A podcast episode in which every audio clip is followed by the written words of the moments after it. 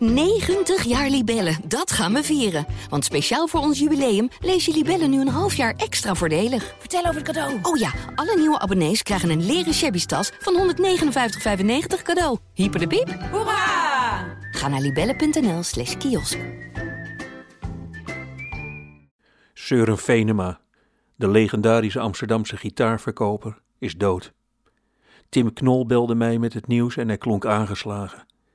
Tim zei het zelf niet, maar uit zijn woorden leek ik te begrijpen waarom Søren zo belangrijk was geweest. Hij had Tim behandeld als een muzikant en niet als het nieuwe smaakje in de Nederlandse popmuziek. Søren woonde samen met minimaal 800 gitaren. Hij leek een personage uit een boek van Roald Dahl. Shaki, dit keer niet tussen de chocolade, maar tussen de gitaren. Een paar dagen geleden overleed hij en ik dacht meteen tussen zijn geliefde, hout met snaren.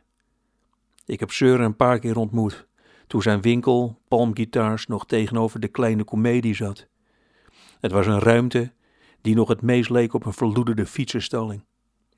Kok van Vuren, de gitarist van Okkobar, had mij getipt. Er hing een prachtige oude Gretsch. Een Gretsch is niet zomaar een gitaar.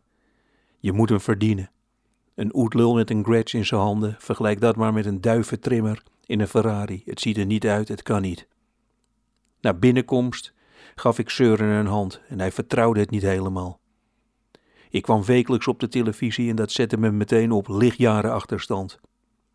Ik was weer zo'n arrogante zak met de verkeerde mens om zich heen, die dwars door al het valse applaus heen was gaan geloven dat hij gitaar kon spelen. Ik zag het aan Søren kop. Hij zag mij als Carlo Boshart die een leuk gitaartje kwam uitzoeken voor naast de witte gordijnen in zijn inloopkast. Ik moest het engste doen op aarde.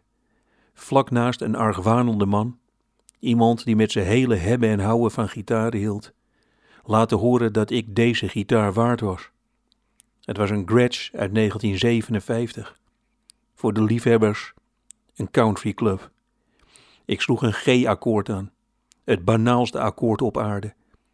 Zing een kutliedje en je weet zeker dat er een G in zit. En meteen had ik spijt. Ik keek naar Søren. Hij wachtte op meer. Moest ik nu een jazzakkoord spelen? Oppassen dat ik daar niet een verkeerd gezicht bij trok. Dat kon zomaar rampzalig zijn. Dat kon alles mislukken. De gitaar trilde op mijn schoot. Ik keek op en ik zag het meteen. Ik was geslaagd. Dat gedrag van Søren zou je uit kunnen leggen als maniakaal en chagrijnig gedoe. Maar ik begreep meteen wat er aan de hand was. Søren verkocht mij een van zijn kinderen. Vreselijk dat die nu allemaal alleen achterblijven. Honderden kinderen in een huis zonder vader.